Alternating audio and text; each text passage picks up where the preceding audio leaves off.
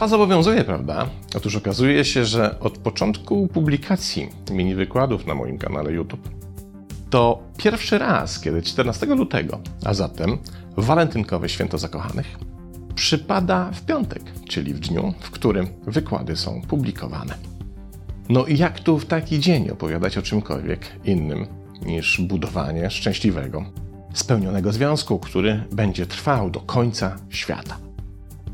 Czy jednak jesteśmy w stanie przewidzieć trwałość naszych relacji na samym ich początku? Czy istnieją jakieś przesłanki, po których chociaż z niewielkim prawdopodobieństwem jesteśmy w stanie ocenić, czy budowana właśnie relacja z drugą osobą ma szansę na przetrwanie przez wiele lat? Czy aby na pewno trwałość i długowieczność naszej relacji zależy od tego, jak szczęśliwi i spełnieni w niej jesteśmy? Od tego, jak bardzo jesteśmy w sobie zakochani? Przerwijmy w tym miejscu listę pytań i przyjrzyjmy się przykładowi. Są walentynki. Na wieczorną kolację umawiają się dwie pary. Przy jednym z restauracyjnych stolików zasiada Robert z Aśką, a gdzieś po drugiej stronie lokalu w tym samym czasie stolik zajmują Grzesiek z Sylwią. Tak się składa, że obie pary są ze sobą już jakiś czas, ich relacja trwa kilkanaście miesięcy. Mieszkają razem, ale jeszcze ani jedni, ani też drudzy nie podjęli decyzji o formalizacji związku. Co jest jednak ważne, w obydwu tych przypadkach nie mamy już do czynienia z tak zwanym okresem turystycznym, ale emigracyjnym. Cóż to oznacza?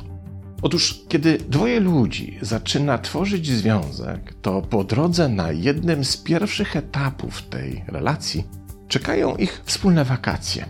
To czas, w którym będą się widywali 24 godziny na dobę. Korzystali z tej samej łazienki, uprawiali seks, wydawali wspólną wakacyjną kasę na wspólne wakacyjne rozrywki itd. Tak to jednocześnie pierwszy test na związek, mówiący nam o tym, czy osoba, która wydaje nam się atrakcyjna przez dwie godziny w pubie, jest dla nas również atrakcyjna, kiedy rano wychodzi z łazienki. I nie chodzi tu wyłącznie o zachowania seksualne, ale o atrakcyjność na wszystkich poziomach. Dwa tygodnie to wystarczająco dużo czasu, by mogły się ujawnić co najmniej niektóre nawyki, przyzwyczajenia, sposób radzenia sobie z emocjami, stosunek do innych, świat idei i przekonań oraz rodzaj relacji z własnymi rodzicami. Jednak z wakacji po jakimś czasie trzeba wrócić, i ten powrót jest także powrotem do swojego świata, co powoduje, że na te dwa tygodnie można się na tyle spiąć w sobie, by w miarę możliwości wyeksponować tylko atrakcyjne, chciane cechy i trochę też poukrywać to, co w nas akurat nie jest najfajniejsze. Kiedy zaś się wraca do swojego świata, to można trochę od tego bycia fajnym odpocząć. Kolejnym etapem w związku jest przejście z okresu turystycznego do emigracyjnego, czyli ten moment, w którym zostaje podjęta decyzja o wspólnym zamieszkaniu. I to już nie są wakacje. Zaczyna się proza życia. Trzeba zapłacić za czynsz, za Wi-Fi, telefon. Trzeba ogarnąć śmieci i zmywanie naczyń. Trzeba również dowiedzieć się, co tak naprawdę oznacza w danym przypadku to, że ktoś może mieć słaby czy gorszy dzień.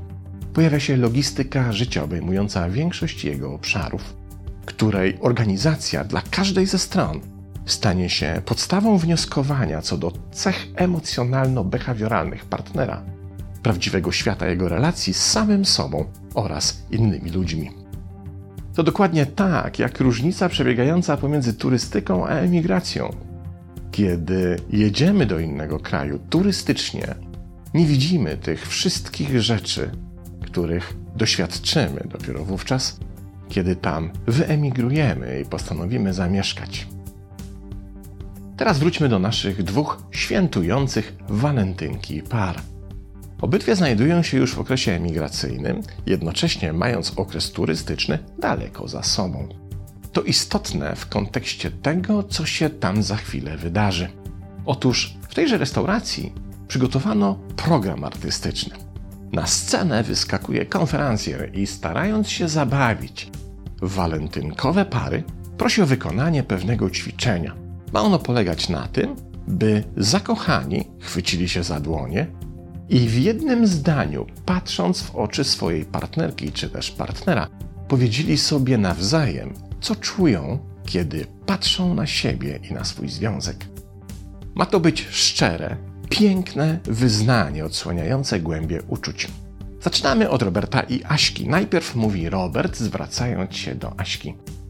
Jestem w tobie zakochany po uszy i chciałbym móc cię przez cały czas przytulać. Aśka odpowiada Robertowi: Jestem z tobą naprawdę szczęśliwa, a w naszym związku czuję się spełniona. Teraz podsłuchujemy drugą parę, czyli Grześka i Sylwia. Najpierw Sylwia mówi do Grześka: Jestem pewna, że razem pokonamy wszystkie przeciwności. Na co Grzegorz odpowiada: Chcę się z tobą zestarzeć. Kurtyna. Teraz poproszę, byś odpowiedział, czy też odpowiedziała na następujące pytanie. Która z tych par, Twoim zdaniem, ma większe szanse na zbudowanie trwałego związku? Domyślam się, że mimo iż wyznanie drugiej pary wydaje nam się dużo mniej romantyczne od pierwszej, to instynkt nam podpowiada, że chyba dłuższy związek zbudują ci drudzy, prawda? A wiecie, co jest w tym wszystkim, przynajmniej dla mnie, najciekawsze? Otóż to, że tego aspektu relacji, według mojej wiedzy, nikt wcześniej nie badał. Wszystkie badania dotyczyły korelacji trwałości związku, a deklarowanym przez partnerów spełnieniem, poczuciem szczęścia, poczuciem bycia kochanym i atrakcyjnym. A tu nagle pojawia się jakiś zupełnie inny warunek. Na szczęście na łamach Journal of Family Psychology zostały opublikowane wyniki badań z bieżącego, czyli 2020 roku, wykonane przez zespół Matthew Johnsona z Uniwersytetu Alberty w Kanadzie. Badania trwały 4 lata i w trakcie których poddano analizie 1294 przypadki osób, które na początku badania pozostawały w związkach partnerskich. Chciano prześledzić w tym okresie, w jakim kierunku będą zmierzały ich związki, które się rozpadną, a które utrwalą. I dlaczego? Badani byli objęci szeregiem testów, które musieli regularnie wypełniać. Dodajmy też istotne informacje statystyczne. Na początku badań średnia wieku badanych wynosiła 26 lat. W grupie tej było 63% kobiet, zaś 75% stanowiły osoby białe. Nieco ponad 1 trzecia tej grupy wychowywała dzieci w domu, a 17% miało dziecko z poprzednim partnerem.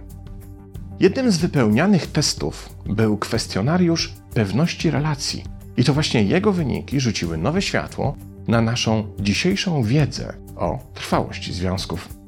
Okazało się, że wszędzie tam, gdzie w kwestionariuszu badani regularnie wskazywali odpowiedź o punktacji wyższej niż 5 w skali 7-punktowej, gdzie 1 oznaczał zdecydowanie się nie zgadzam, a 7 zdecydowanie się zgadzam. Związki okazywały się dużo trwalsze od pozostałych. I co ciekawe, odpowiedzi związane z poczuciem szczęścia i spełnienia w związku, badane w innych kwestionariuszach, nie miały wpływu na trwałość relacji. To co? Jesteście gotowi do walentynkowego testu? No to zaczynamy. Oceń teraz w skali od 1 do 7, w jakim stopniu zgadzasz się z następującymi stwierdzeniami. Pierwsze. Czuję się komfortowo, kiedy pomyślę, że mój obecny związek będzie trwał przez całe życie. Drugie. Myślenie o naszej wspólnej przyszłości nie powoduje u mnie utraty pewności siebie. Trzecie. Wierzę, że wspólnie poradzimy sobie z wszelkimi konfliktami, które mogą się pojawić pomiędzy nami w przyszłości. Czwarte. Oboje dysponujemy odpowiednimi umiejętnościami, żeby uczynić nasz związek związkiem trwałym. Piąte. Jestem przekonany lub przekonana, że wspólnie poradzimy sobie z wszystkim tym, co stanie na naszej drodze. Mam nadzieję, że niniejszy test nikomu nie zepsuł walentynek. Jednak jeśli w którymś z powyższych stwierdzeń postawiłeś, czy też postawiłaś liczbę mniejszą niż 5, to jeszcze nie koniec świata. Potraktuj to wyłącznie jako informacyjną wskazówkę dotyczącą konkretnego obszaru, który wymaga włożenia weń pracy i wysiłku.